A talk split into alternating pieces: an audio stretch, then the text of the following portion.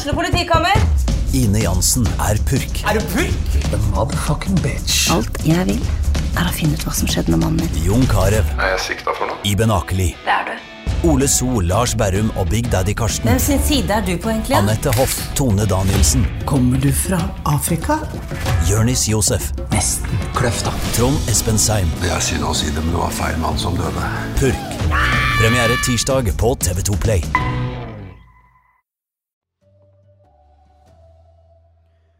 Er fortsatt fare for at storbrannen i Lærdal kan blusse opp.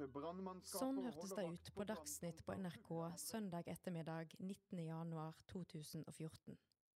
Storbrannen var da under kontroll, men fremdeles ulma det i askehaugene på Lærdalsøyri. Ingen er så langt alvorlig skadet etter brannen, men rundt 50 er fortsatt innlagt på sykehus. Sykehuset i Lærdal fikk inn over 400 skadde i løpet av natta, og som en av få plasser med strøm og noe kommunikasjon i området, skulle sykehuset bli en sentral plass for håndteringa av krisa. Ti år etter storbrannen i Lærdal ser Sognavis tilbake på den dramatiske januarnatta sammen med noen av de som var midt oppi det. De var først og fremst sterkt prega av brannen. De var sota. De hadde pusta inn eh, eh, røyk og var prega av det. Geir Berge Øverland var både varaordfører og lege i januar 2014. Han jobba på den tida som overlege på Lærdal sjukehus. Men lørdagskvelden det starta å brenne, var han hjemme, ikke langt fra Kirketeigen, der brannen starta. Ja, jeg fikk faktisk vite om brannen så å si med en gang den starta. Fordi eh, barnebarn av oss, de bor i huset ved siden av. Hun skulle legge seg og kikka ut vinduet, og da så hun at det brant. Og da kom svigerdatteren springende og sa til oss at det brenner. Og da fikk jeg på meg ytterklær og dro av gårde. Og det var Jeg var ikke hjemme i huset mitt før mandagskvelden. Når du da eh, bestemmer deg for å gå mot, mot brannen, hvem er det som går der da? Er det overlegen, eller er det varaordføreren? Da er det nok varaordføreren og innbygger, ikke minst det. For jeg så det som helt nødvendig da å delta i det første slukningsarbeidet, det jeg kunne. Nede i sentrum treffer han tilfeldigvis på ordfører Jan Geir Solheim, som ber han bli med han opp til sykehuset. Og eh, da ble det beslutta at vi skulle reise opp på sykehuset og starte krisestab der oppe. Når begynte de å merke på sykehuset da, at eh, dette her ble ei vakt utenom det vanlige for de fleste? Det merka de veldig fort, og de var veldig flinke til å kalle inn alt som var av reserver. Alle ansatte som hadde fri, ble innkalt til å møte opp på sykehuset. Men det var jo et kjempeproblem der, og det var det at eh, vi hadde jo ikke telefonsamband. Store problemer med telenettet i Lærdal. Telebygningen er brent ned, og elleve basestasjoner er satt ut av spill. Så eh, det var vanskelig. Men eh, vi fikk Jungeltelegrafen gikk, og folk kom. Og eh, enda til det- mest imponerende, må jeg si, det var en anestesilege fra Lærdal, ei jente. Og hun jobba i Skien. Og hun hørte på radioen at det brant i Lærdal. Da hivde hun seg i bilen og kjørte og kom tidlig på søndagsmorgen fram til Lærdal og stilte seg til disposisjon og jobba. Og jobba da helt fram til mandag, hvor hun reiste tilbake til Skien. Jeg var mektig imponert, det må jeg si. Det var jo et veldig stort antall eh, folk som kom innom sykehuset i løpet av disse eh, dagene. Hvordan så folk ut som kom der? Hva tilstand var de? Du, de var først og fremst sterkt prega av brannen. De var sota. De hadde pusta inn eh, eh, røyk og var prega av det. Og det var først og fremst det som vi måtte behandle med oksygen. Vi fikk tilsendt, tilflydd inn ekstra oksygen med helikopter. Og eh, heldigvis så hadde sykehuset åpen linje til sykehuset i Førde. Fordi det gikk, nettet gikk jo på kabel, og den gikk gjennom Lærdalen, gjennom eh, Fodnestunnelen. Og var ikke affisert av brannen i det hele tatt, så vi hadde godt samband den veien. Og god støtte fra sentralsykehuset. Eh, hvordan, var det da eh, å være i den dobbeltrolla, kan du si, da, med å tilhøre sykehuset, men være varaordfører der?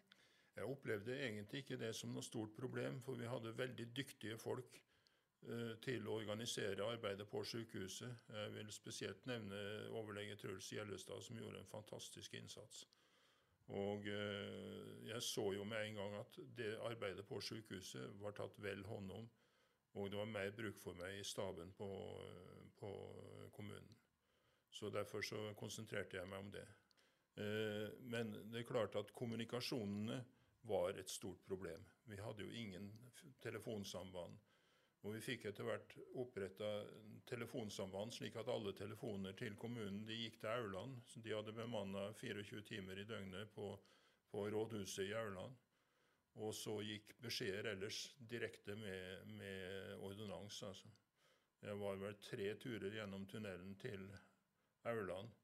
Dels for å informere de av innbyggerne i Lærdal som var, var eh, evakuert til hotell i Aurland. Og dels innom på rådhuset for å få telefonbeskjeder og bringe tilbake også beskjeder folk pårørende som skulle ringe, de var jo helt fortvila. De fikk jo ikke vite hvordan det sto til med familien deres. De frykta jo det verste, ikke sant.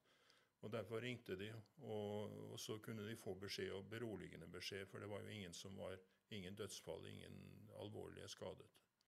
Rundt halve Lærdalsøyri ble evakuert i løpet av natta. Øverland var sjøl en av de som hadde huset innenfor evakueringssona. I østlig retning for brannen gikk evakueringssona helt ned til fjorden, men motvinds valgte de å sette ei grense ved sykehjemmen om lag 550 meter i luftlinja fra der brannen starta. Vi hadde jo slektninger som bodde nede i sentrum og som måtte evakueres. Og som sagt, mitt eget hus ble evakuert. Det ble jo evakuert helt opp til sykehjem, alders- og sykehjemmen. Der ble det fra kriseledelsen da tatt en beslutning at Pasientene på alders- og sykehjemmen skulle ikke evakueres. Vi hadde i stedet stående en buss klar, faktisk med motoren i gang, den første natta der, som kunne evakuere sykehjemmet på sekunder omtrent, hvis det skulle bli nødvendig. Men vinden blåste jo fra sykehjemmet, så vi regna det som best for alle parter å beholde heimen sånn som det var. Sykehjemmen ble òg en ressurs for de som jobba med sløkking av brannen. De hadde jo også kjøkkenet der, f.eks stilte jo opp med alt servering til brannpersonalet og sånn, sånn at de kunne komme innom der. Det var det. Og det var jo åpent på sykehuset også. Kafeteriaen der var åpen. Vi fikk masse eh, brus og vann på flasker, sånn at de, folk kunne bare komme der og forsyne seg. Mm. Hvordan, hvordan, var det for sykehuset i Lærdal å ta imot en så stor eh, masse med pasienter på så kort tid? Det viktigste der er jo å holde orden på systemet og vite hvem som har vært der, og hvem, hvor det har blitt av de. Og det krevde veldig mye kontorarbeid. Så kontorpersonalet var jo fullt engasjert på sykehuset med registrering av hvem som kom, og etterpå hvor det ble av de. Det var eh, veldig viktig, for ellers kunne man jo miste folk. altså. Men eh, det, det, fungerte veldig bra. Det gjorde det. Da at Lærdal har eh, sykehuset der det, at det ligger i, i bygda. Hvor, hvor, hvor, viktig var det i denne situasjonen? I denne situasjonen var det jo ekstremt viktig. Uh, vi har jo hatt katastrofer senere også hvor det har vært veldig viktig med sykehuset. Jeg tenker da på tunnelbrannene i Gudvangatunnelen, hvor vi fikk busslaster med, med nesten svart, svartsota pasienter inn på sykehuset. Og da hadde vi jo erfaring med den slags masse skader, og det kom veldig godt med det gjorde det. Så jeg vil si at, eh, at eh, det å ha et sykehus i Indre Sogn har vært veldig viktig. Mm. Når du eh, ser tilbake på, på, disse hendelsene ti år etter nå, eh, hva, er du, hva, er det første du, du, tenker på da? Nei, det, det, første jeg tenker på, er, er denne katastrofefølelsen på, på, natta der. Da det brant overalt. Det brant oppe i fjellsidene. Hus i massevis, hadde jeg nesten sagt, sto i brann. Og, eh, og, eh, manglende kommunikasjon.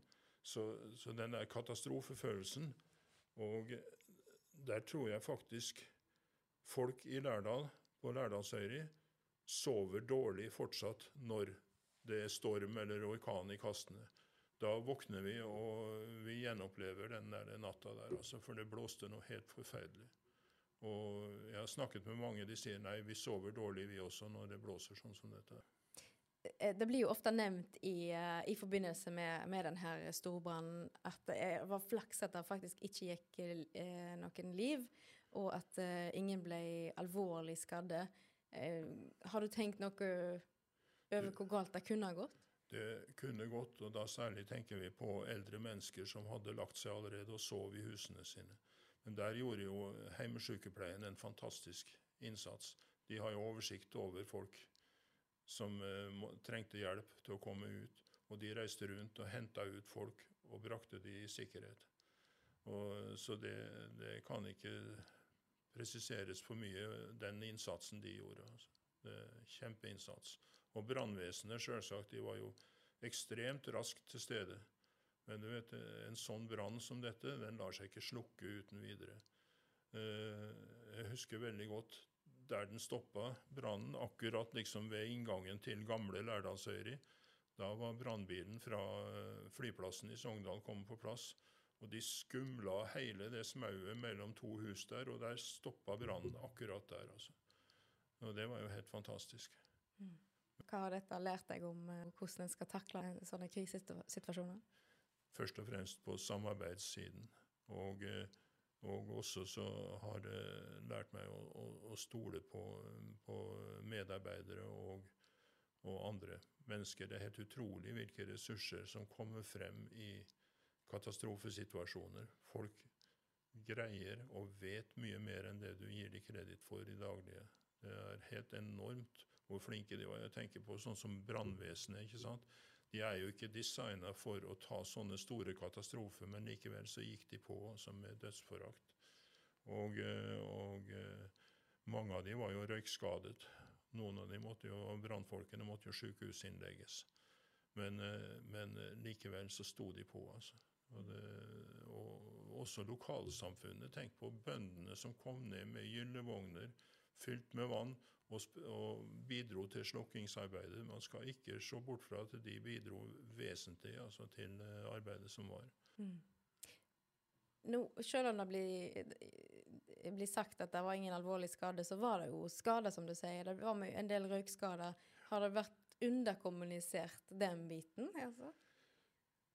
Jeg vet ikke. Det er, det er jo De rent sånn fysiske skadene eh, ble jo tatt greit vare på. Og noen krevde lengre sykehusopphold pga. lungeskade. Men, eh, men, stort sett så gikk det bra. Men det er klart, den, den, psykiske siden skal du ikke se bort fra heller. Det er en påkjenning for de som var gjennom dette her. Og da tenker jeg både voksne og kanskje ikke minst barn. Hva har overraska deg med det å være i en sånn situasjon? Nei, det som, Stort sett så var det positive ting som overraska meg. Det Samholdet og dette viljen til å hjelpe hverandre.